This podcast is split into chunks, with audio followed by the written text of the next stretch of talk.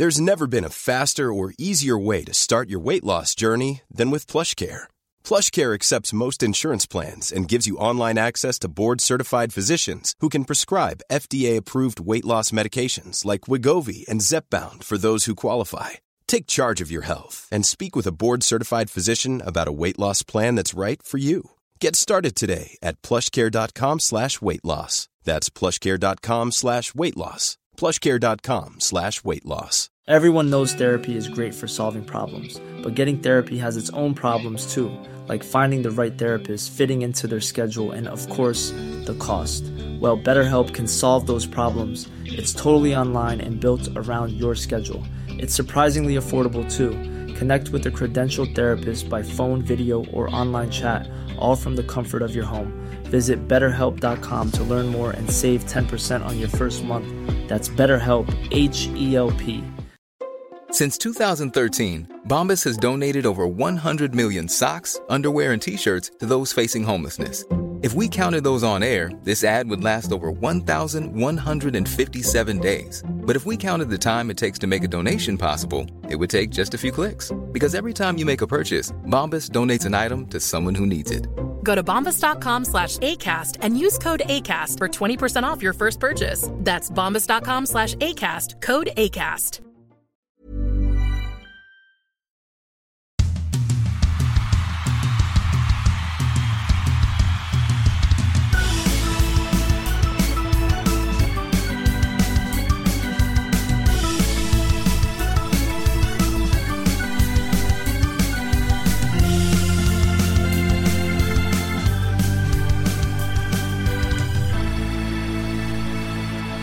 Då hälsar vi välkomna till eh, ett nytt avsnitt av Ringside och eh, vi spelar in nu, jag och Fredrik. Det är sent onsdag kväll. Eh, det är späckat schema. Fredrik har fortfarande på slutsekunderna eller slutminuterna på Tingsryd BIK Karlskoga där jag och Fredrik är ju lediga idag. Fredrik, hur känns det här? Både jag och du lediga? Det känns nästan surrealistiskt. I- Först gjorde det, sen var det en väldigt behaglig dag. Det blir mycket ändå. Jag, du har ju massor. Jag har ändå, fredagen där gör vi Djurgården Södertälje och sen gör jag hockeylördag på lördag. Så jag tycker liksom dagarna försvinner ändå. Så att det här var bra och det blev ju väldigt tajta matcher ikväll. Så det var en bra eh, kväll i soffan. Man, man, man eh, snappar upp rätt mycket mer när man står eller när man sitter hemma i soffan och kan ha liksom olika skärmar och göra massa statistiksystem och, och grejer. Man, man snappar upp en hel del annat än när man står mellan båsen. Ja, och jag ska faktiskt medge, jag har sagt förra, förra säsongen tror jag vid ett par tillfällen att vi har bästa platserna i arenan. Och det har vi sett till att vi känner pulsen, dofterna, människornas reaktioner. Men eh, i vissa arenor framförallt, som i Södertälje, så ser vi nästan ingenting utan att titta på våra skärmar. Nej, där ser man ju väldigt, för man står ju i princip under isen. Alltså man är ju en decimeter under isen när man står. Och jag är ju ingen 1,96 i grunden heller, så att det får ställa mig på en pall kanske. Ja, Vi får se om vi kan investera igen. Eh, Vi ska börja med att inleda den här veckan med eh, en rejäl pudel. Det var så att eh, jag och du satt oss för att spela in i Östersund och då kunde inte Daggen vara med. Det kan han inte nu heller för han står mellan båsen med, med Kajsa och Eh, de kör hockeysnack där. Men det som eh, var noterbart efter förra veckans eh, avsnitt var ju att ljudet var katastrof. Och, eller katastrof eller hårt att säga, men, men det lät inget vidare. Och det upptäcktes helt enkelt för sent och då fanns det ingen möjlighet att spela in ett nytt och jag försökte rädda det så gott det bara gick i redigering men det blev inget bra helt enkelt så vi hoppas nu att vi ska bjuda på krispigt och kristallklart ljud idag istället. Det är ju planen. Jag är ju inte, det är du som, det ska vi säga en gång för alla, att det är du som står för det tekniska, den tekniska kompetensen och också insikterna kring det där. Jag vaknade till av ett sent sms på ett hotellrum i Stockholm från dig att det här låter inte bra. Det kan bli att vi får spela om och så tänker man sig, ska vi göra det efter midnatt? Det är lite spännande, men du räddade upp det så det gick att lyssna på vad jag förstod utan att jag själv har lyssnat på det. Ja, men eh, ni som har anmärkt på ljudet så eh, förstår vi att ni har anmärkt på det och det, vi hoppas på eh, allt vad vi är värda att eh, säga att det ska inte ske igen. Men nog om det, skitsamma med ljudet då. Nu är nu och eh, där är det slut mellan Tingsryd och eh, Karlskoga. Nu har Tingsryd vunnit den matchen så vi säger grattis till Tingsryd med de tre poängen. Var vill du börja Fredrik? Vill du börja med Eh, Västerås genomklappning i, i lördags och fullständiga debacle i den matchen. Vill du börja Jag tycker i... det. Jag skulle Nej, men börja jag där. tycker det, för då, då har vi en kronologisk ordning. Då, Ja. då funkar min hjärna bäst över. Och den var ju, så sent som kvällen före står ju du och jag i Södertälje och när vi då går igenom highlights från andra matcher så, så var vi, det var ju liksom frapperande hur målen bara välde in. Men det fanns också ett resonemang att åtta är ju jättebra men fyra är mindre bra att släppa till. Vad, hur skulle det här påverka lördagen och jag sa två saker. Ett fick jag rätt på, det andra fick jag väldigt fel på. Det jag fick rätt på var att jag sa att det kommer att vara sköna grabbar som kommer ner på lördag morgon till värmningen. När man är, tycker att man har gjort poäng och man har vunnit stort. Eh, Jag sa också att då blir det väl säkert 1-1 och overtime sa jag bara för att det var två målrika lag. Men där fick jag ju väldigt fel. 6-5 vart det ju för Modo mot Vita Hästen, den en där väldigt målglada matchen på fredag kväll och för Västerås del så vann ju de med hela 8-4 mot nykomlingen Östersund. Och sen då, lördag morgon, isvärmning som du är inne på. Sen så går Västerås, Västerås ut och ja, maken till genomklappning. Och, och det var inte bara det att eh, jag, jag brukar inte vara den som tycker sådär överdrivet hårt och, om eh, allting hela tiden. Men, men Västerås var verkligen klappkassa och Modo såg ju ut som att de eh, var Colorado Avalanche i NHL-finalen i princip.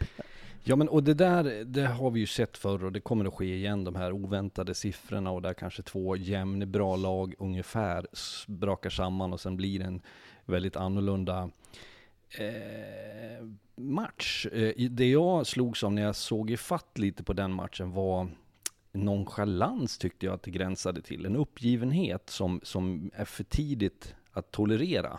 Och jag är ganska övertygad om att Västeråsledningen eh, inte ser mellan fingrarna på det här. Sen är ju frågan vad det gör. Kan man bara säga att det blir så ibland eller är det ett sår? Har man skapat en, en, en frustration i gruppen, en irritation på varandra som är svår att hantera? Jag, jag vet inte. Det ska bli väldigt intressant att följa upp Västerås nu. Eh, det, det jag reagerar från den här matchen var det att eh, om man kollar till den avancerade statistiken, jag har ju eh, tillgång till det här Sportlogic som ju väldigt många av de här klubbarna använder. Och det ska sägas det är att där är inte matchen speciellt eh, Alltså det, det där ser det inte ut att vara en så ojämn match, utan det är ju helt enkelt bara på så här inställningsgrejer och eh, slapphet där det egentligen har, har dragit iväg. Jag menar, Modo har fyra A-chanser och tre B-chanser. Det, det kan man säga att fyra är klockrena målchanser, tre är så här, ja, men ganska bra målchanser. Men eh, de kapitaliserar ju minst sagt på det där medan Västerås gör något helt annat.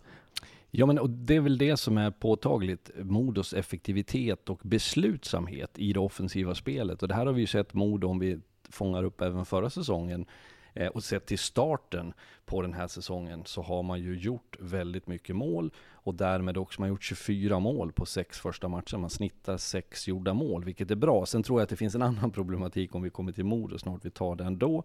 Men rätt spelare har poppat upp, levererar, det finns ett självförtroende och just den här skärpan och beslutsamheten, den ser jag inte riktigt i Västerås än så länge. Och det är, jag vet vi pratade om det också, det, är det bra, sa du eller har jag drömt det här, att, att det fanns 14 poänggörare i Västerås på fredag? Ja, exakt. Nej, det stämmer. Det var 14 poänggörare i fredagsmatchen. Och det är gulligt. Då blir det ju som sagt en mysig morgon dagen efter. Men det är i ett längre perspektiv bättre att du har en, en handfull som verkligen pålitligt, konsekvent levererar match efter match. Då är det mycket lättare att möblera övriga formationer utifrån andra arbetsuppgifter. Så att där finns det väl en, en utmaning för Västerås. Eh, jag ska sägas också att eh, du, du ser ut som att du lever i en epatraktor just nu. Så Har du världens största Amberlight på tv? Helt plötsligt var Ja, hela din bakgrund lila. Ja men det är såna här, jag, min Oskan slog ju ner här förra sommaren, då köpte jag en ny TV och den har massa lampor på sidan och bakgrunden. Så det är jättemysigt ibland när jag ligger på kvällarna och tittar. Jag tänker folk som, nu bor jag lite så här har mörk äng runt mig, men när någon promenerar förbi måste de tro att fan det är disco Söderström. Det var verkligen lila hela bakgrunden bakom dig. Såg ut som du satt i en epatraktor med neonljus. Ja, det här går gränsen. Upplyftande. Eh, Ja, men nog om det. Eh, Men det som är med Västerås är att eh, fansen lackar ur på det här och jag tror inte att de lackar ur på, på själva på själva 1-7 förlusten, mer bara hur det har sett ut i allmänhet. Att visst, det var en 8-4 seger, men det har väl kanske inte eh, slått klang och jubel under försäsongen när det var frågetecken kring vissa av värvningarna och nu blir det ju ännu mer frågetecken och det känns som en sån här, sån här säsong, det säger man väl alla år, men att det är jobbigt att få så mycket frågetecken i början när det blir Ja, det blir en jobbigare säsong om du sätter dig i skiten första veckorna. Så är det och det skapar besvärligheter. Jag tror vi sa det här om eh, något lag i, från tidigare avsnitt, jag kommer inte ihåg vilka vi pratade om. Jo men det var nog Linköping SHL som hade en tuff eh, tidig hemmapremiär den där mot eh, Skellefteå. Eh, man ska sälja biljetter, man har marknadsavdelning som ska locka folk, du ska ha sponsorer som är fortsatt intresserade. De där sakerna glömmer man lätt. Man tycker att det hockeymässiga kan man säkert korrigera, det tror jag. Men det är så viktigt att du, du visar upp någonting. Och jag tror det är så här med supportrar överlag, att man kan tolerera en förlust. Man kan förstå ibland att man missar i powerplay, man har frilägen som inte blir mål på, motståndarna är effektiva. Men om du ser en tendens till uppgivenhet eller till nonchalans eller att spelarna inte, som du tycker, ger allt. Det är oerhört besvärande för klubbarna och jag tror att för Västerås del, jag ska säga att jag lyssnade på Patrik Zetterberg, sportchefen. Det låg någon slags intervju som kallades podd, men den var 14 minuter och då var det hanterbart för mig att lyssna på, som var väldigt bra. Jag tyckte han var rak och ärlig, han var tydlig med att det här var inte okej, okay, hur de hade resonerat och eh, diskuterat kring det här. Så att jag tror att internt har man säkert gått hårt åt varandra och därför är jag nyfiken att se vad, vad det då tar vägen sen. Ja, eh, en del problematik i, i Västerås kan man ju säga. Eh, Modo då? Snacka om att det har blivit eh, full jackpot på att få igång den där första kedjan. Josh Dickinson har gjort sju poäng på fyra matcher. Riley Woods ser ju stekhet ut, var ju för övrigt den du tippade att vinna poängligan. Han leder den nu på nio poäng på fyra matcher, men Modo med offensiv när Sen och Bernhardt får göra poäng direkt i powerplay som ju var så ledande förra säsongen och Modo blåser med medvind i ryggen. Ja det gör du. Låt mig först städa av det som möjligen, eller det som är ett dilemma som jag tror att Karlin eh, och eh, hans kollegor brottas lite grann med. Det är att man har släppt till dels för mycket mål, absolut, men man har också, tycker jag, bjudit till för mycket möjligheter. Man har spelat med väldigt hög risk.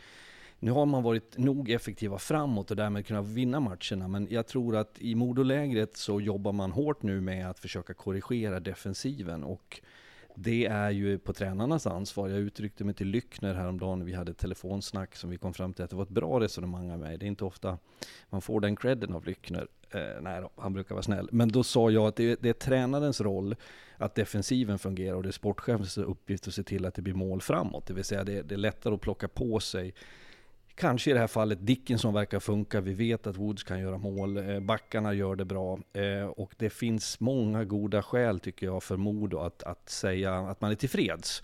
Men jag tror inte, ingen lutar sig tillbaks. Men det är ju en optimal start sett i poäng och produktion. De får ju ett rejält test på lördag kväll då jag och Harald ska kommentera Björklöven mot Modo. Eh, vi kommer till Björklöven sen som ju sannerligen inte rosade marknaden den här kvällen eller i fredags mot AIK. Men eh, det blir ju ett rejält test och det känns ju som att eh, Ja, men det, det blir ju alltid när det blir de här stormatcherna när lagen man vet att väldigt många kommer vara så nära 100 procent. Då, då känns det som att man kan sätta mycket, man kan dra mycket större växlar av de matcherna. Ja, och det, det, det, det, finns också någonting som jag tycker man ska värdera i den här inledningsfasen och det är att ta som Södertälje som jag tittade på en hel del nu när man möter Vita Hästen hemma eh, och förlorar den. Vi kommer till de lagen, men ställer jag det mot matchen mot Djurgården när det är fullsatt, du, du bärs fram, du får andra krafter så gör det någonting med matcherna. Sen ska jag inte ursäkta något lag med det för att faktum är att för att du ska vara ett topplag Eh, så måste du hantera även de här gråa dagarna där inte hockeyn är lika upphåsad och där du kanske måste plocka fram en annan typ av karaktär. Ja, och eh, sen eh, känns det som skrivet i sten att eh, Vita Hästen med deras historik mot, eh, mot Södertälje skulle åka upp och vinna den här matchen när Södertälje har eh, Djurgården hemma, Vita Hästen hemma, Djurgården borta. Så det kändes som att det skulle nästan skriva in en förlust på redan innan på att de skulle tappa några procent i den matchen. Och det är det som är problemet och det har inte Södertälje råd med. Jag tyckte att Södertälje gjorde mycket som var bra mot Djurgården, men det var ett Djurgården som var eh, för bra, för kliniska eh, och det, då kan man förstå det. Men de, de du får inte ta en dag off eller spela lite mer komplicerat eller vara krånglig för då, då åker du på pumpen. Vi, vi, kan väl stanna till där vid Södertälje Vita Hästen innan vi går tillbaka till, till Västervik och Östersund där lite grann och, och summera mm. de två lagens aktuella läge. Men eh, Södertälje, det känns ju som att 5 mot 5, eh, min uppfattning är att de gör ganska bra match mot Djurgården. Men sen har de ett, eh, alltså ett eh, ganska bedrövligt powerplay i den här matchen och eh, allmänt inledning på den här säsongen. Jag är beredd att hålla med om det. Jag säger så här att jag tycker det Södertälje bjöd till i arbetsmoral, i fysiskt spel, i eh, många delar av matchen så tycker jag att man tävlar bra med Djurgården. Men, men det fanns en högre skicklighet i Djurgården som gjorde skillnad. Och jag känner för Södertäljes del att det ska heller inte vara jag är inte beredd att säga att det här sket sig på något sätt, utan jag tycker att de visar tendenser och med så mycket nytt, både som sportchef, tränarstaben, på isen, så, så kommer det ta lite längre tid och det påvisar väl också att en försäsong där många hyllade SSK utifrån resultaten man hade gjort. Att de, de kanske inte säger så mycket där och då för att man inte springer på samma karaktär på matcherna. Visst är det så. Eh, jag ska säga det också att Djurgården har efter fyra matcher, vi vet fyra matcher, eh, 44 procent i powerplay. Södertälje har noll. 14, eh, 14 chanser för Södertälje, inget mål. Djurgården har 16 chanser, sju mål. Det är ganska stor skillnad i poängen när det börjar rassla till så mycket. Ja, och på kort, eh, alltså under en kortare period som då fyra matcher är, så blir ju det väldigt eh, ja, det, det, har en enorm betydelse och effekt på matcherna såklart. Och det här kommer ju att plana ut. Södertälje kommer ju att göra mål, det vet vi. Djurgården kommer inte att ligga på de procenten. Eh, Vita Hästen då, de eh, fick ju en seger här nu, men de ligger fortfarande eh, sist med tanke på att Tingsryd också vann, så det var ju tråkigt för de två och lagen Almtuna. att deras. Ja, Almtuna dessutom. Så att eh, det känns som att alla de där tre lagen i, i botten var de som jublade mest den här onsdagskvällen. Jag ja, jag håller med. Och jag, jag, det jag såg idag av Vita Hästen mot Södertälje, nu ska jag säga att en sån här kväll, vi började med att prata hur trevligt det var att sitta hemma och titta på hockey, men det är också jobbigt när man tittar på många matcher, för man tappar någon slags helhetsgrepp. Men jag kunde se hos Vita Hästen ändå individuella intentioner som jag gillar då. Uppenbarligen så kan både Eriksson och Samuelsson, eh, de äldre gubbarna, eh, leverera och göra bra saker. Sen är det ju för Vita Hästen att gräva sig ur en tuff start och där, då kan man ju sannolikt bygga vidare på en sån här seger mot Södertälje. Jag tror att den, det var tre poäng men den hade ett, naturligtvis ett ännu större värde i deras huvuden. Jag, eh, jag tappade tråden lite grann här för jag såg att eh, vi har på Karlskoga Tings, Tingsryd i bakgrunden. Jag ser att Daggen så intervjuar Karl Elmersson och det blir på något sätt fel i mitt huvud här. Men det, det är ju eh, nytt när Daggen ska komma in hos oss också. Jag har så inget ljud på mig. Frågan han varför han inte spelade PP förra året. Ja, jag misstänker det med tanke på Karl Elmerssons, hur ja. less han ser ut att vara. Så, nu har han ju förlorat, så jag kanske läst på Daggen i allmänhet. Eh, Nej men Vita Hästen och, och, och, gänget där nere vann alltså. Det är väl det vi kan dra från det där. Marcus Eriksson fick avgöra med att spela fram till Tanner McMasters, Marcus Eriksson passning fram till det avgörandet. Eh, jag tänker att vi studsar vidare och studsar till eh, matchen mellan Västervik och eh, Östersunds IK. Och det är ju väldigt tidigt på säsongen. Men det ska ju ändå sägas att det verkar ju som att Västerviksandan har slagit igen för eh, både Daniel Brickley och eh, Marcus Vela ser ut som en rund miljon. Ja, och det är ju, eh, höll jag på att säga, Västerviks räddning så här långt. Jag tycker att många av de här svenska spelarna som vi har eh, förhoppningar på och som vi vet har eh, viss kapacitet och hög förmåga emellanåt, har inte varit riktigt där än.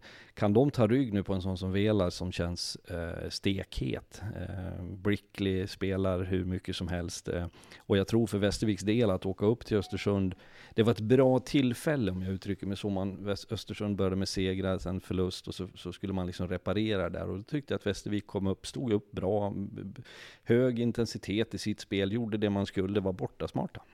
Vad säger du om Västerviks där? Eh, supernytt kanske inte är, men deras försvarsspel den här säsongen, för det är ju verkligen igelkottsförsvar. De, de faller ju in likt Linköping gjorde förra säsongen och verkligen är otroligt tajta runt sin målbur. Jag tror att eh, den gode Gudmundsson har inventerat sitt lag, vilket är en av tränarnas viktigaste uppgifter. Det går inte att sitta mm, runt midsommar med en, en en nubbe och fundera över hur hockeyn ska spelas om man i, inte vet hur truppen ser ut. Och jag tror att han försöker att anpassa det lite grann till det material han förfogar över, att man ska spela smart, man ska vara på rätt sida och sen att man också har då möjlighet att ställa om kontringar eh, och, och vara effektiva på det. Då kan man vara besvärande för ganska många lag. Eh, Östersund hade ju, eh, vi, vi, vi, hyllade ju dem till skyarna, och men vi visste ju att det var tidigt på säsongen och två raka hemmamatcher. Nu har de på två bortamatcher släppt in 15 mål här, så att det är ju välkomna till verkligheten, är väl orden man kan säga till Östersund. Minst sagt. Sen är det kanske enligt budget, ligger de kanske på plus egentligen också, sett till att man slår Södertälje i premiären, man slår AIK. Eh, fick en tuff resa i Västerås och sen vart den här Västervik-matchen. Men de har ändå visat, det, det jag tycker är, tror är viktigt för dem är att den starten med två segrar gjorde att de kan titta varandra i ögonen och känna att du, fan, du kan ju jobba hårt, du kan ju göra mål, du kan backchecka, du kan smälla på. Man, man kan checka av det där. Då är det lättare att gå tillbaks till någonting. Sen kanske det var ett jag säger inte att de är stöddiga i Östersund, för jag uppfattade raka motsatsen när vi var där. Men av hävd vet jag att hockeyspelare har en tendens ibland att, att eh, man är lite längre fram i tankarna än vad man borde vara och man har lätt att tappa omdömet i vissa situationer. En, en kille som jag ändå tycker att man kan se redan nu att han har fattat det här eh, hur man ska göra poäng även i Hockeyallsvenskan tycker jag är Henrik Marklund där uppe. Eh, jag, jag är ju från, eh, från Västerbottenstrakten, från grund och botten och minns när han kom fram i unga år som eh, Eh, spelade där tillsammans med Viktor Arvidsson i 94-kullen i, i Skellefteå. Och sen har han ju tagit den här långa vägen runt om i Hockeysverige och varit runt i Hockeyettan och sådär. Men eh, det är ju fortfarande en kille som har näsa för målet. Jag tycker man ser det redan nu här i inledningen på säsongen. Inte bara det att han har gjort mål, men han luktar sig till chanser på ett sätt som, ja men så här målskyttar, det är ju någon form av DNA som man inte riktigt kan lära ut de som har det där. Jag håller med. Jag, jag uppfattar han också som väldigt skärpt i rätt lägen, vilket också är ett tecken på en målskytt, att du, du, du förvaltar möjligheterna du får. Men det finns en bra arbetsmoral, det finns en karaktär och som du är inne på, han läser och bedömer situationer på ett bra sätt. Och det, det är väl viktigt för de som inte sitter på den största budgeten att man måste också få en utveckling på de här som kommer med från, från Hockeyettan och upp. Och sen tycker jag om du plockar in, jag tycker Sebastian Fakt har visat mycket bra saker i de matcher jag har följt Östersund. Eh, och ska ju också vara en sån spelare som eh, kliver in och lyfter det. Karl Skärström har varit med från Hockeyettan, har sett bra ut. Eh, så, så jag tycker att de har kanske, de kan, kan begära lite mer av sina importer. Eh, och det finns en som eh, Forslund till exempel, som jag pratade om som ett spännande nyförvärv på, på, på förhand, har väl än inte liksom fullt ut, tycker jag, visat sin kapacitet heller. Så att det finns lite mer att ta av där. Ja, jag håller med dig. Eh, Forslund tror jag hade faktiskt lite, lite högre förväntningar på här i inledningen på säsongen, att han verkligen skulle vara den som skulle gå i bräschen efter alla sina år i Växjö där. Men eh, Miletic eh, är ju spännande. Vi fick ju se hans, eh, för hans framspelning där mot AIK var ju, man märker att det finns hockey i den killen liksom. Så att det, det kommer säkert att byggas under säsongen. Han har haft det ganska struligt här under försäsongen också som jag förstått, så att han kommer väl mer och mer. Och sen har det väl varit i Östersund så att eh, Eh, målvaktsbekymmer, finnen där har, eh, är skadad. Jag vet inte om han är tillbaka nu, men eh, man hade ju Rönnqvist inlånad från Sundsvall, så att det kanske inte har varit en ordinarie situation med full konkurrens där med sina två ordinarie målvakter. Nej. Sen kan vi säga det också, om det är någon som undrar, Viktor Rönnqvist är ju alltså Petter Rönnqvists son, så han har ju stora skor att fylla så att säga. Ja, det kan man lugnt säga. Han kanske hamnar på Simor en vacker dag också. ja, vi, vi, vi, låter det, vi låter det vara osagt. Sen, vi kan väl dra fram en dag till igår där vi fick se en eh, jag hade faktiskt bara på, i början så hade jag bara på den ljudmässigt och hade den i bakgrunden när jag satt och jobbade med annat eh, inför helgen här som kommer med mycket matcher.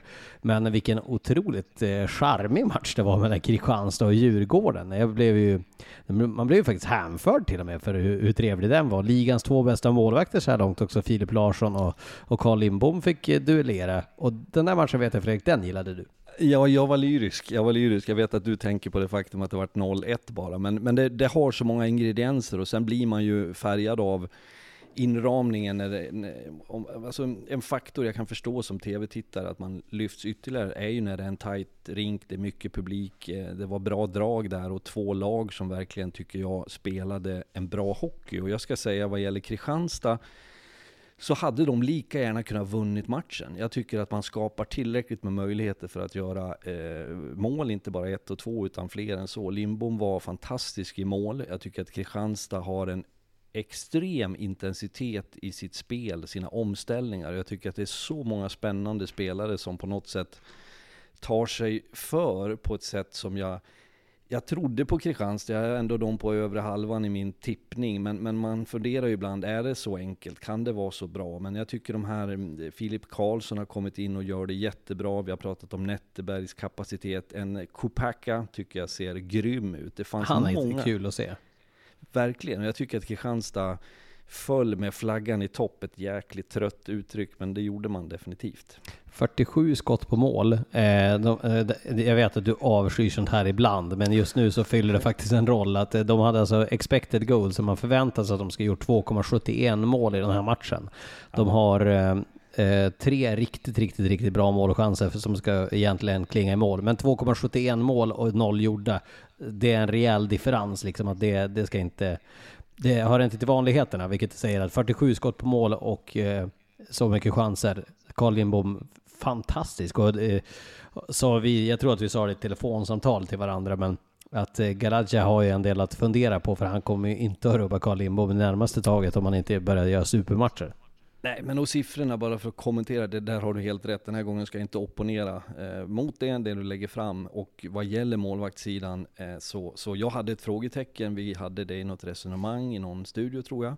Eh, men här har vi ju sett Lindboms överjävliga förmåga, eh, som så här långt har varit den absolut främsta nyckeln skulle jag säga. Det finns många som är bra i Djurgården, men Lindbom har varit eh, extremt bra. Men det kan vi väl slå fast, han har varit bäst i Djurgården hittills.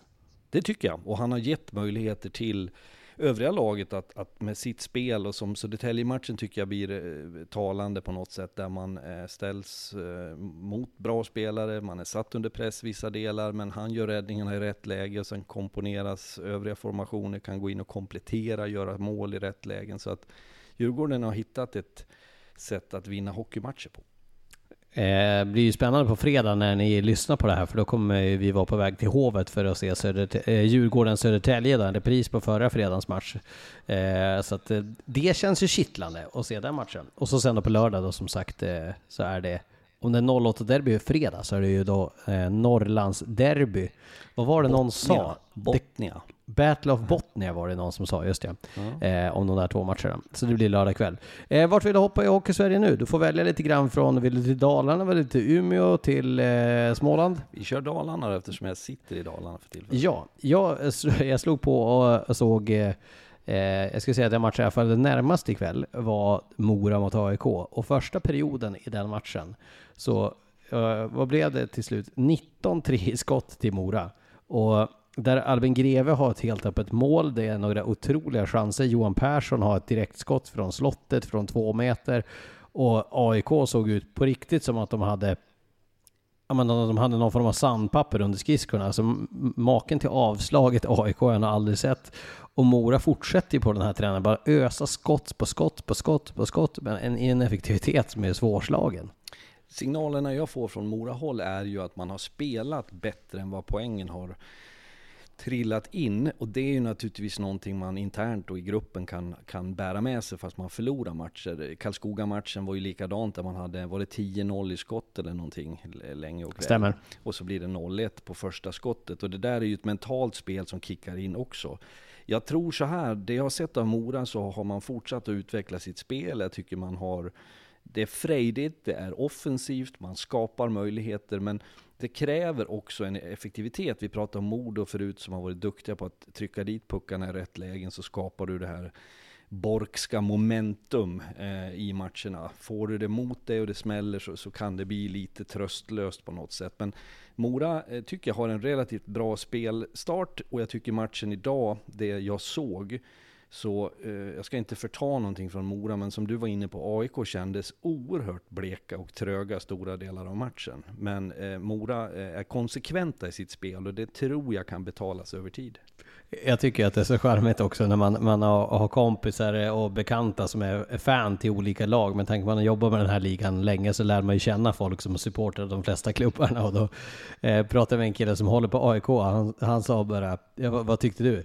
Ah, ofattbart uselt och det är så kul att det är verkligen, det är ju alltid svart eller vitt med fans. Det är ju väldigt sällan bara säga okej okay insats men vi var nära tre poäng. Det har man ju aldrig hört någon säga någonsin. Men ofattbart uselt var hans eh, dom om AIK i alla fall. Men ska vi glida över på AIK så kan jag känna att det är det lag som jag, jag inte orkar med just nu och jag ska förklara vad jag menar med det, men jag klarar inte av att värdera deras eh, status och nivå.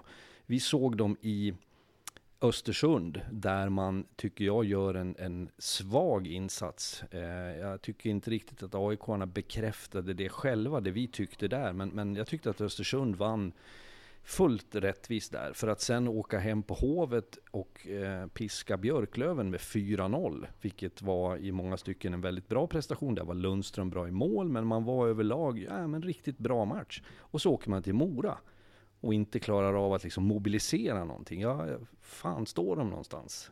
Ja men det där blir man ju knäpp på. Just det. Och, och det här kommer vi tillbaka till den här frågan som vi sa om fans och deras engagemang. Att eh, folk kan köpa att man blir tillbakapressade. Folk kan ju köpa, nu, nu gör jag AIK verkligen match av den här matchen till slut. Det blir 3-2 till Mora. Eh, och det finns ju chanser för AIK här i slutet på matchen där både Lyckåsen och Gynge reducerar. Men just det här att den första perioden, när det ser ut verkligen som att jag fattar ju att folk bryr sig, men det ser ju verkligen, det såg ju horribelt ut för AIK. Alltså Moraspelarna åkte ju cirklar runt om det. såg såg ut som att de hade skitit att använda offensiv zon. Ja, och jag, jag kan, det här är ju ett, genom åren som tränare så har jag mött ibland supportrar som har sagt om man har gjort den, den där typen av matcher att eh, det är ju ingen som vill vad, vad är problemet, vad är det för fel, det är ingen som vill. Eh, jag ska gå in och backa upp hockeyspelare generellt, att hockeyspelare vill. Sen kan det vara andra faktorer, jag pratar inte som, som att det skulle vara ursäkter, men Ibland kan det vara relativt tidigt på en säsong kan du ha bekymmer med att du inte riktigt har greppat idén, att det är för mycket tänka, för lite agera. Eh, längre fram på en säsong så kan det också vara pressen, stressen, du, du, du, är, du känner av någon slags mental kramp, vilket kan framstå som att du är ointresserad när du själva verket överarbetar situationer. I, i AIKs fall, återigen, så kan jag inte riktigt förklara var i problemet ligger. För jag tycker att man besitter förmågan och kapaciteten, man har spelarna och man har stundtals spelet. Men oerhört ojämnt så här långt. Ja, man blir inte klok på det. Det blir ju frustrerande. Jag misstänker hur det känns då för Anton Blomqvist som ska försöka reda ut det där på något sätt, att det blir problematiskt för att säga det minsta. Eh, några grejer som sticker ut i den här Mora-matchen som jag tycker är värd att lyfta. Eh, för det första, vi har ju pratat mycket om den här säsongen, om, om just att Mora breddar sin forwardsida. De spelar med Måns, eh, Måns Karlsson, Daniel Ljunggren, Johan Persson första, den vet vi att den kommer alltid vara intakt. Nu fick ju Johan Persson också göra mål. Det tog ju fyra matcher och en straff som krävdes då för att han ska göra första målet den här säsongen. Eh, andra med Fabian Nilestedt, Kevin Hancock och Pat Patrick Harper som är spännande. Och sen då den bästa kedjan så här långt med Anton Heikkinen, Kalle Mikitinac och Albin Greve. Men ett utropstecken i fjärde formationen är Axel Sundberg som kom in, gjort tre mål och en assist den här inledningen på säsongen och, och verkligen visar in näsan i, i de heta områdena intressant spelare som kom från norska ligan där han har gjort det bra. Eh, jag fick signaler från eh, Johan Hedberg eh, före seriestart att, att Sundberg har sett spännande ut, att man tycker att det finns en potential där. Kreativ, vältränad, många saker att bocka av. Så att det kanske är en som vi ska följa lite extra noga och bra för Mora att få någon, någon avig spelare, bryter lite mönster och, och har ju varit effektiv nu då. Jag kommer ihåg han från eh, säsongen i Karlskrona. Jag minns att han gjorde mycket mål. Sen minns jag inte exakt hur mycket, så jag var inne och kollade på Elite Prospect. Han gjorde ändå 13 mål eh, säsongen 18-19 i Hockeyallsvenskan. Så att det finns ju uppenbarligen en, en målskytt i honom. Sen får vi se vad det där landar i till, till slutet. Men jag tycker att han har haft en eh, intressant säsongstart och det är ju det här som är Hockeyallsvenskan. Att spelare ska få sin liksom, revansch och komma tillbaka, hitta en större roll i ett annat lag. Och, och få en ny start i karriären för att ta ett svung uppåt. Det är liksom det den här ligan handlar om i mångt och mycket. Och där har ju Mora, såklart. Ja, men och där har ju generellt allsvenskan som du säger, men Mora har ju också knuffat upp senaste säsongerna ett gäng spelare eh, som har dansat via eh, Mora och sen tagit sig till SHL. Så att uppenbarligen så, så funkar ju miljön där. Eh, ja, AIK, som sagt, det är svårt att veta riktigt vad man ska säga om det laget efter den här matchen. Men eh, eh ja, min kompis får väl stå för citatet från den matchen helt enkelt. Eh, nu då? Småland, Västerbotten. Vad väljer du? Ja men för en hyllning till, till dig som har västerbottniska Ja, och, och dror. jag sitter i Västerbotten nu Ja, eh, bland annat. Ja, eh, ja men jag, jag såg eh, ganska stora delar av matchen mellan Björklöven och Almtuna och Björklöven efter 0-4 mot AIK här i fredags så, så trodde man väl kanske då att eh, man läste av lite grann i, i lokalmedia och sådär att eh, det borde finnas en extra pepp till den där matchen. Eh, den kanske de sparade i Björklöven då till lördagens match mot Modo om man ska läsa ut eh, insatsen från eh, den där matchen. Det var väldigt mycket utvisningar i första perioden, men det var ju ett Björklöven där det är ganska mycket som inte riktigt klickar just nu. Jag har svårt att sätta fingret på Björklövens eh, prestationer. Jag, jag ser att det hackar, jag ser att det inte kuggar i, jag märker att det finns en frustration. Eh, men jag ser ju också grundkapaciteten. Det, det är en bra trupp, det är spännande, intressanta nyförvärv som jag förvisso ska säga att vi av förklarliga skäl har sett för lite av en försäsong som inte vi följer av, av samma förklarliga skäl. Där vi får förlita oss lite grann på, på tro och hopp kanske från de som har sett. Och jag tycker man pratade upp eh, de här importerna som har kommit in som kanske inte riktigt tycker jag har stuckit ut på samma sätt som jag har förväntat mig. Även om jag ser stundtals små situationer som är väldigt bra. Var det Fortier idag? Ja, som, Fortier igenom det var en klassektion. Åkte Abs- igenom tre spelare och han ledde Eh, rätt upp i Så krysset. att för Björklövens del så tycker jag att det, det handlar om att man måste få upp ångan på något sätt och att man är samlade. Jag vet inte, det är för tidigt att börja säga Klara, är, är det stressat för att man är favoriter? Är det inte tillräckligt bra? Men eh, de har kommit snett in i den här starten och jag tror för Björklövens del så kommer Modo-matchen helt perfekt. Där då Modo i nuläget väl leder serien om inte det, det kan inte ha hänt någonting ikväll var du som kollar tabellen. Eh, jag har den inte framför mig, men det de måste är du göra. I De topp och, ett, och ett Björklöven som har varit knackiga. Så tror jag att det passar perfekt för Björklöven att ta sig an den matchen. Och den kommer forma lite grann deras eh, närmaste framtid, det tror jag.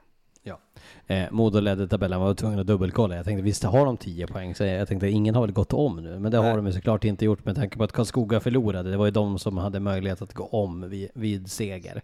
Eh, så Modo, Kristianstad, Djurgården, Karlskoga är topp 4 just nu. Eh, Noterbart, jag kollade till det lite grann där med, med skottstatistiken också, liksom vad effektiviteten säger. Och det säger att Södertälje, Mor, Mora och eh, Björklöven är ju överlägset sämst, nere på 5 procent.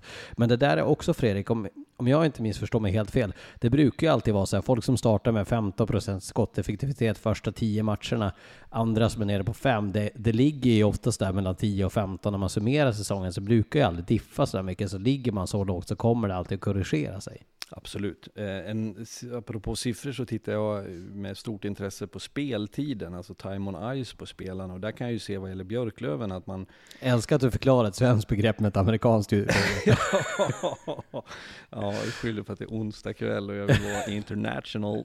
ja, det är bra. Eh, men det är ju backarnas eh, speltid, eh, där eh, Jesper Lindgren är eh, främst på 18 minuter. Eh, jag vill minnas att Björklöven förra säsongen av eh, Eh, rimliga skäl, för man hade mycket skador, men där spelade, eh, jag menar en sån som Nörstebö ligger på 16 lite drygt nu. Eh, det är klart att jag vet i synnerhet backarna behöver ha mycket istid för att du ska hitta din identitet spelmässigt, för att du ska få full effekt på dina egenskaper. Och det där det är något som jag har börjat spana. Det är fyra matcher, absolut. Det är inte mycket mer än så. Det är svårt att dra slutsatser, men jag tänker att coachningen är intressant och relevant. Eh, tittar du på Västervik, pratade vi förut, Brickley spelar, vad ligger han på, 27 minuter? nu? Ja, han är 24 spelade han senast, men Östersund såg jag i alla fall. Ja, ehm, så att, och och då, det är ju vissa lag som känner att vi måste göra det. Andra lag går och väntar lite grann. Men det kan också skapa en viss frustration när du har breda trupper. Det här har vi pratat om förut. Och, och att det också kan påverka effekten. Så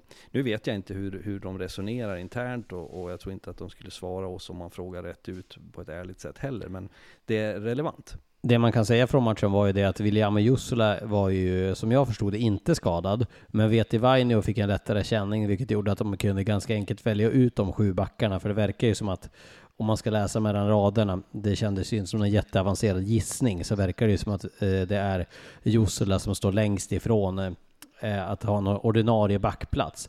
Men eh, Vetevainio fortsätter ju vara skadad nu den här säsongen också. Varit skadad hela försäsongen, spelat lite grann och nu blir han skadad igen. Frågan är hur långt tålamodet är där med tanke på att de säger ju att han eh, ska vara så himla bra och att de indikationerna ges. Men han har knappt spelat sedan han kom till eh, Hockeyallsvenskan. Nej, och det där är ju, nu är det ju väldigt olyckligt i de allra flesta fall, eller egentligen alltid såklart när någon är skadad. Men vad jag försöker leda det till är att det är en egenskap eh, att, att att ändå hålla dig skadefri. Jag har en enorm respekt för spelare som, som, lyckas undgå det. För att självklart har du situationer du inte kan göra någonting åt. Det är inte så att de hoppar från, från mediakuben frivilligt för att göra sig illa. Det är ju situationen. Men jag vet också att det är lite hur du balanserar ditt spel, timing, hur vältränad du är, hur du sköter ditt leverne, ditt sätt att vara på. Jag säger inte med det så att jag får hockeyspelare emot mig nu att skadade spelare veka. Absolut inte. Men när du gör en värdering av en spelare så vet jag att tränare och sportchefer är väldigt upptagna av att se att någon har spelat många matcher eh, över lång tid. Det är någonting du, du fångar upp. Det har man ju också mycket surr på, på sidan av rinken om spelare som i princip eh, alltid är skadade trots att eh, även både läkare och naprapater och allting inte kan se att det är någonting som är fel och då, då, då ringer ju varningsklockorna. Det är ju en röd flagga så att det bara förslår. Ja, och jag, jag ska bara lägga till en sak att genom åren alla Nu hävdar jag inte att Vete Vaino är så för övrigt. Nej, jag tänkte bara säga att nu pratar jag om, om begreppet i allmänhet. Ja, nej men att jag, jag vet genom åren som tränare att det finns ju de som också som har en det, det, finns en mental aspekt i det här också. Jag, jag, när man har träffat enormt framgångsrika hockeyspelare i olika sammanhang genom åren så har jag märkt att det de har, bortsett från, jag menar, vi går, kan börja fördjupa oss om talang och vissa skickligheter, men de har också en mental kraft, en, en sätt att sköta om sig själv.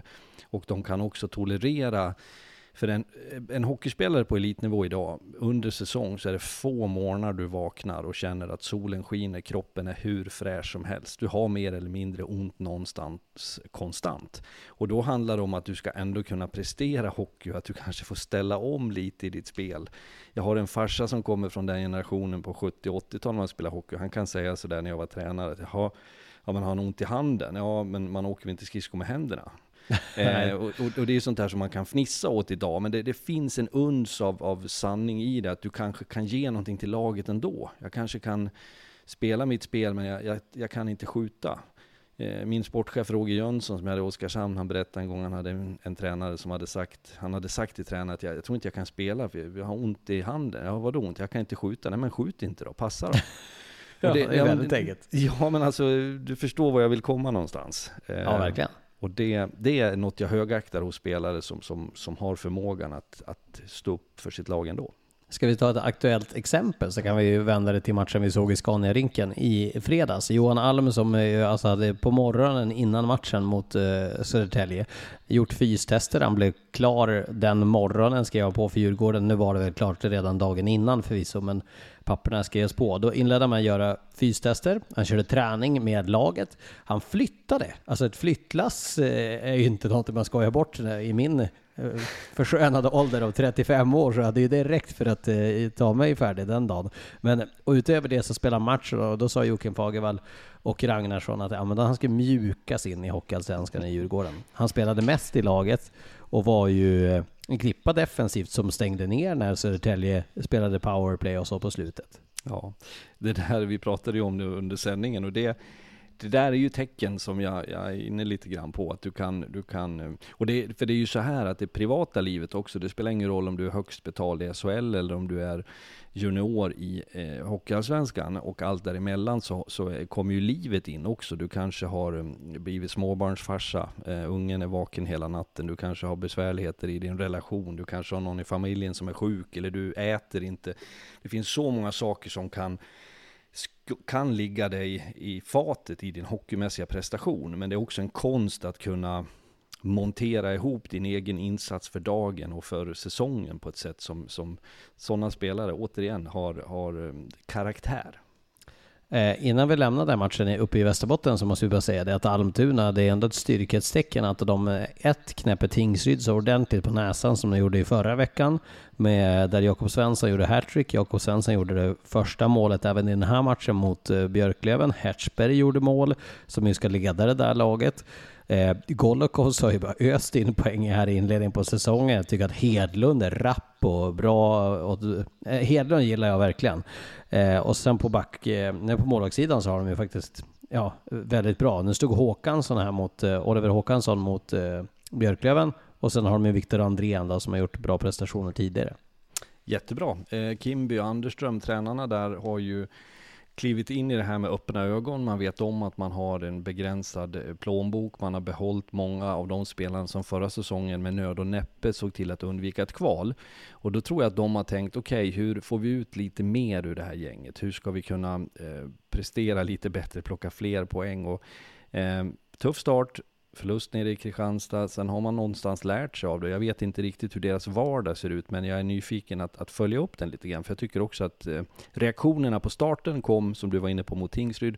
Och den här matchen mot Björklöven. Ja, vi pratade om att Björklöven är tröga i starten, att man inte har fått det att lossna. Det går att prata hur mycket som helst, men jag tycker att det är ofint att säga annat än att det är ju en mycket väl genomförd bortamatch från Almtunas sida. Jag tycker att de gjorde de här bedömningarna idag av det jag såg. Man, man är smart i rätt lägen, man utsätter sig inte för risker och man spelar en samlad bra hockey. There's never been a faster or easier way to start your weight loss journey than with plush care. PlushCare accepts most insurance plans and gives you online access to board-certified physicians who can prescribe FDA-approved weight loss medications like Wigovi and Zepbound for those who qualify. Take charge of your health and speak with a board-certified physician about a weight loss plan that's right for you. Get started today at plushcare.com slash weight loss. That's plushcare.com slash weight loss. plushcare.com slash weight loss. Everyone knows therapy is great for solving problems but getting therapy has its own problems too, like finding the right therapist, fitting into their schedule, and of course, the cost. Well, BetterHelp can solve those problems. It's totally online and built around your schedule. It's surprisingly affordable too.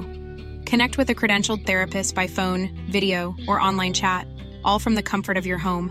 Visit betterhelp.com to learn more and save 10% on your first month. That's BetterHelp H E L P. Hey there, it's Michelle Norris. I'm host of a podcast called Your Mama's Kitchen. When I travel, I'm usually looking for a way to find a taste of home when I'm not at home. And one of the things I love to do when I am at home is entertain. And Airbnb allows me to do that. When I was in California recently, I rented a house that had a great kitchen. And when we were sitting around the table, we're all thinking, we're in someone else's house. Someone could be in all of our homes as well. If you have a home, but you're not always at home, you have an Airbnb. Your home might be worth more than you think. Find out how much at airbnb.com/slash host. Bara en eh, fingervisning. Vad, vad är din, eh, nu när du kliver över på den mörka sidan som en SHL-tränare sa till dig när det började i mediasvängen. Men vart drar du din gräns? Är det efter tio matcher där man kan börja dra någon form av slutsats om lagen? Är det när ett lag har inlett med en seger på de nio första? Är det efter att alla lagen har mött varandra? Eller när tycker du liksom att man börjar se att ja, men, nu, nu är inte det här en slump, utan nu är det faktiskt en väldigt tydlig tendens. Som jag tänkte på Tingsryd, vi ska komma dit snart att man ser efter tre matcher att de har gjort två mål, försvarsspelet ser inget bra ut, gruppen känns eh, det spretig liksom. När känner du? Så vinner de idag. Ja, ja men för att svara på din fråga, så i den bästa världen så hade det varit ett serieupplägg där du möter de andra 13 lagen. Eh, och sen började om igen. För att man skulle kunna, alltså jag skulle gärna sett alla mot alla så att säga. Eh, men nu vet jag att serieupplägget ser lite annorlunda ut. Vi har Djurgården Södertälje på fredagen nu då och de möttes förra fredagen. Så att det kommer ju att skeva lite grann. Men jag säger då tio omgångar för att ge dig en siffra. För att det, det blir lite för snabba kast. Karlskoga eh, idag tycker man skulle åka ner efter tre raka segrar hemma, eh, senast hemma, åker ner till Tingsryd, ska vinna. Ja men då vinner Tingsryd den. Eh, då ruskar det om mina eh, som, omständigheter och som jag tänker. Så att, men däremot kan man se signaler redan nu. Man kan se tendenser. Eh, sen vill jag inte sitta här och banka på stora trumman, men, men i min tränarhjärna, vi pratade Västerås eh, förlust mot Modo. Där drar jag slutsatser, sen kan det vara fel av mig för att jag värderar utifrån vad jag tycker är viktigt som tränare. Så att jag, jag ska försöka förhålla mig neutralt i det, men då, därför väntar jag lite med att, att döma och fördöma. Ja. Eh, vi, vi kommer att dra någon liten summering här av de fyra första omgångarna i slutet, men jag, jag har en liten spaning från eh, matchen i Umeå. Hur bra på tungan ligger inte backparet Blixt Brandhammar? Hugo Bra. Blixt och Anton Brandhammar. Det, det, det, det ena leder till det andra. Man, ja, men det var lite så jag tänkte också. Ja. Eh, jag tänker ju, min kommentatorskärna blir Blixt, Brandhammar, där brinner det! Eller någonting, någonting sånt. Det ryker, så det hårt skott så det ryker. Rökar upp i krisen. Ja, ja, det får man inte göra, för då kan det börja brinna. Och då är inte Blixt lite Arne Hägerfors. Ja. Det, det, var, det var i alla fall någonting som var mysigt. Ja då, det är så här mitt i, eller hur långt har vi kommit? Två, Onsdag kväll 22.20 22, 20 snart, så då, då får vi vara lite mysiga sådär tycker jag. Mm. Eh, vi hoppar då till Småland, till den matchen som vi inte har pratat om. Och det är den matchen som var, var studiematch idag. Dackehallen numera mm. igen då, efter att det hade skymfen Nelson Garden Arena. Dackehallen, bra mycket bättre. Dackehallen är ju estetiskt när man kollar utifrån. Man ska se så här pompös hockeyarena och så om man kommer typ till Saab Arena i Linköping och ser liksom eh, när man går mot arenan då ser man så här, man går med sin, sin son och så ser man kolla dit ska vi se på hockey. Här ser det ut som att man kommer till en typ en förrådslokal på skolgympan och så ska vi ta ut gamla bollar. där var i behov av ommålning, det noterade jag också. den, den är inte estetiskt vacker från utsidan. Den har någonting, men vacker ändå fan i mig inte. Nej, och det är ju ett vapen för Tingsryd, för det är få lag, det är ganska komplicerat att ta sig dit, du ska genom skogarna och du kommer in i omklädningsrum som är lite kallare, det är inte rock'n'roll i, i, i exklusivitet. Eh, och det retar alltid någon och några, så att jag tror att Tingsryd eh, ikväll visar de i alla fall eh, kraft och mod att gå ut. De vill ju ha det så. De vill ju det. Det är ju en ja. del av deras policy på något sätt. Matchen då, vi kan ta några grejer till att börja med. Tingsryd, eh, inför den här matchen, var du med mig på min tanke där om att det, det har sett ganska illa ut? Håller med. Håller med. Jag, jag har jag tyckte våran kollega och poddvän Daggen sa i införstudion, han använde begreppet DNA, att de sökte sitt DNA. Eh, och det eh, kan jag hålla med om. Alltså, vad, vad ska Tingsryd stå för? Vad ska man ha för prestationer? Hur ska spelet vara när de är konsekventa? Det har jag inte sett eh, tillräckligt av. Eh, men idag förändrades ju matchbilden lite grann. Jag tycker att det är en hyfsat jämn första perioden då. Det, det är 0-0 väl efter första. Eh, Stämmer. Och eh, jag, jag, upplevde att Tingsryd kom ut lite större, lite rejälare i det man eh, gjorde nu. Eh, sen tar det ju vändningar, bland annat är det ju den fem minuters utvisningen som Aronsson tar. Ja, det var den där på slutet. Det var där de avgjorde matchen kan man ju säga. Ja, men eh, jag tyckte ändå att, att eh, positivt sett ur TAIF ögon var idag att det fanns en hunger, det fanns fler som var med och bidrog tyckte jag. Man, hade en, en man var tydligare i sitt spel idag. Jag tycker ju fortfarande att det, det är en ganska trubbig trupp där. Alltså det, de, det gäller att de får några att få en utveckling den här säsongen för att Tingsryd ska inte behöva vara gnisslas i det där negativa strecket. För det känns ju som att det är där man kan placera Tingsryd redan nu i det sjoket av tabellen. Eller så, det kan jag stå för att jag har redan gjort det i alla fall mentalt. Ja men eh, starten har ju signalerat det naturligtvis. Sen är det ju inte någon, någon eh, sensationell insats av dem idag, men de, de, lyckas ju vinna matchen och hitta ett sätt att göra det. Jag tycker Gradin, som vi pratade om vid ett tillfälle i podden, är spännande med sin aggressivitet och sitt fysiska spel, intensiteten. Här Levinsson som jag tycker var mycket, mycket bra idag, hade ju en framspelning och ett mål. Ehm, och sen finns det ju en kapacitet om man tänker i Felix Olsson och Harry och de här som vi vet tidigare levererat i Tingsryd. Så, så fler måste knuffa in. det, det, som jag förstår det är det inte helt orealistiskt att eh, Niklas Olausson kan spela i Tingsryd den här säsongen. Nu, det är ingenting som är, är klart eller någonting sånt, men eh, han har, håller ju fortfarande igång och spelar ishockey nog vore det ganska skönt att se de handledarna i Hockeyallsvenskan. Definitivt, och det kanske också är för en del lag, jag tror att eh, skulle du knuffa in Olausson i Modo eller i Björklöven eller Djurgården så skulle det kunna, eh, nu är det en jättefin människa på alla sätt och en duktig hockeyspelare, men de har ganska trångt i dem, på de positionerna. För, ett, för en grupp som Tingsryd så kanske det skulle vara optimalt med någon som, som du kan se och lära av rent prestationsmässigt. Ja, de behöver ju ha en, en ledare. Det blir ju deras Linus Videll eller deras Marcus ja, en, Eriksson. En dirigent. Typ. Ja, någonstans där. Eh, BIK Skoga, Johan Larsson gjorde två mål. Det hör ju inte till vanligheterna. Det var Thomas Rydén som var ute och eh, ville köra, vad heter den här sälen? Som Anja Persson-sälen Ja, ja, ja. som han ville köra. Eh, och det var ju inte så lyckat. Men i övrigt eh, från Karlskoga så är det ju samma sak. Albin Eriksson får spotta in lite kassar och sådär. Gjorde ju några mål här tidigare förra veckan också. Men det är ju fortfarande ingen modig som spelar. De eh, har ju fortfarande ett gäng spelare som fortfarande inte är inne och bidrar offensivt. Nej, samtidigt så tycker jag att Karlskoga är ju det lag som har imponerat på mig.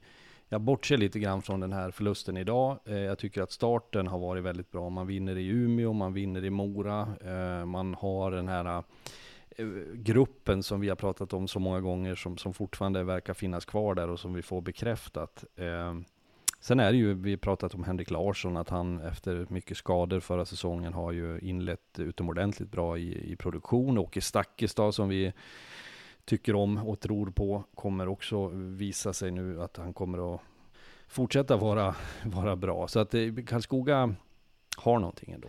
Men ingen Logan Cockerill och ingen eh, Marcus Modigs. Och det, jag menar, det är väl på, på pappret kanske de två största stjärnorna i det här laget. Ja, får se vad som händer när och om de kommer till spel. Man får väl alltid säga om, men det borde väl vara en tidsfråga än någonting annat. Och eh, det skulle ju kunna lyfta det ytterligare såklart. Vad har du på Karl Brun? Ja, ja men det är ett fint namn, Karl Brun. Jag tänker på Tant Brun, Tant Grön och Tant Gredelin, fanns en barnbok när jag var liten. Finns det inte en artist? An Anne Brun? Ja. ja. Eller Arne? Nej, det är Nej, Anne, Anne är det. Anne. Okay. Jag Anne tänkte på Björk, alltså artisten Björk. Det känns inte riktigt som min musiksmak, men... Nej, nej, det är hon från Island eller? Ja, ja visst är det Bevara oh, shit, vi är långt ute här igen nu. Ja, jag tror vi låter bli musikpodden. Vi skippar det och vi skippar neonljuset i din bakgrund. Eh, ja, men annars har vi inte så jättemycket att säga om den matchen mer att eh, BIK Skoga ska nog vara ganska besvikna på att de inte kan vinna den här matchen. Eh, sen eh, Arvid Aronsson tror jag kommer bli avstängd ett gäng matcher efter den där tacklingen som han eh, satte på, på Olsson i tredje perioden. Den tog ju inget bra. Nej, och det fick vi bekräftat av, av, vi måste ju ändå få med Daggen i podden fast han just nu sitter och kör eh, i skogen där på väg mot Växjö. Men han, han bekräftade att den var, det var ingen snack om saken. Det var en lokaljournalist från eh, eh Jesper Hallberg, vet du vem det är? Jajamensan. Ja, han, han hörde av sig till mig och han sa det att eh, eh han, han jobbar ju på Barometern va, i mm. Oskar, Oskarshamn. Oskarshamnstidningen Barometern heter det. Ja, så är den, förlåt. Mm. Eh, han sa det, fan är Daggen och dömer i Kalmar? Åker han 45 mil enkel väg för att döma i Hockeyettan? Och jag, jag sa det nej alltså han bor ju i Växjö så det är ju inte riktigt så långt. För han trodde att han bodde kvar i Karlskoga. Ja, då hade det varit lyxigt att släpa ner han hela vägen dit. Ja, det, det hade varit en lång resa. Det var en liten inblick i alla fall. Att eh, Dagen är, inte vet vart... Han skulle ju vara med i den här podden. Vi har logistiska problem och vi hoppas att det här ska lösa sig till nästa vecka. Det kan hända att vi kommer alternera vilken inspelningsdag vi har här. För vi har ett logistiskt problem. Och jag tror att i stora eh, drag så är det jag som är felet. för att jag ja, men för, för, att beskriva det så befinner vi oss i elområde 1, 3 och 4. Eller hur? Det var en geografisk fördelning, det är det folk pratar om nu för tiden. Och vi vill ju väldigt gärna ha Daggen med, men det är ett bankjobb, det är ett dom, domaruppdrag och det är experteri på Simor. Så att, eh, men, men eh, han är snart tillbaka. Jag har ju till och med erbjudit mig själv att sätta mig på bänken och tugga knopp så att han ska få ta plats om ni kan få ihop det vid något tillfälle. Men vi pusslar så gott det går. Ja, eh, och jag har ju tre ligor här som jag just drar igång, så det, är ett ganska späckat schema, men ettåring hemma och en sambo som har börjat jobba dessutom. Jag måste bara säga det att jag hörde av mig till Sanny Lindström då för att säga kan du vikariera för Daggen? det, här är ju, alltså det här är tydligaste lögnen man har fått i hela sitt liv. Du vet, om man ska ljuga för någon, då vill man ju också så här, om jag säger till dig att nej, jag kan inte komma, jag är sjuk, då vill jag gärna att du ska höra att jag är sjuk också. Ja. Så eh, Sanny sa nej, föräldramöte 20 och 45 en onsdag. Tjena, och så skickade han en bild från en skolbänk. Han bara, på föräldramöte. Är ju den största lögnen man har hört i norra Europa. Det är han som går på komvux i Karlstad, läser in och kurser. Vad tror du han läser för kurs? Nu är det sent, men vad fan, vi ska snart avrunda. Ja, vad skulle han kunna ge sig in på? Något språk kanske? Ja, han är ju i och för sig halva året i Spanien eller ja, Portugal, så kanske, att han läser spanska. läser upp nu då. Ja, kanske är det. Ja, men det där eh, Ja, ja. föräldramötet, det kan vi ja, men han har en inbjudan i alla fall. Vi vill ju gärna ha Sanny med vid tillfälle.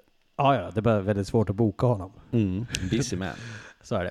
Du, eh, vi eh, summerar där och eh, hoppas nu att ljudet är bättre den här veckan. Och som sagt, vi ber om ursäkt att det var så den förra veckan. Den här veckan blev det lite logistiskt, men vi är tillbaka i full kraft nästa vecka med bra ljud, med peppad Fredrik, peppad Lars, peppad Daggen och då har vi dessutom eh, några riktigt härliga matcher.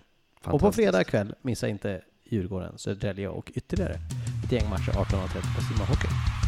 Och du ska inte säga något. Hej då. Ja, hej då.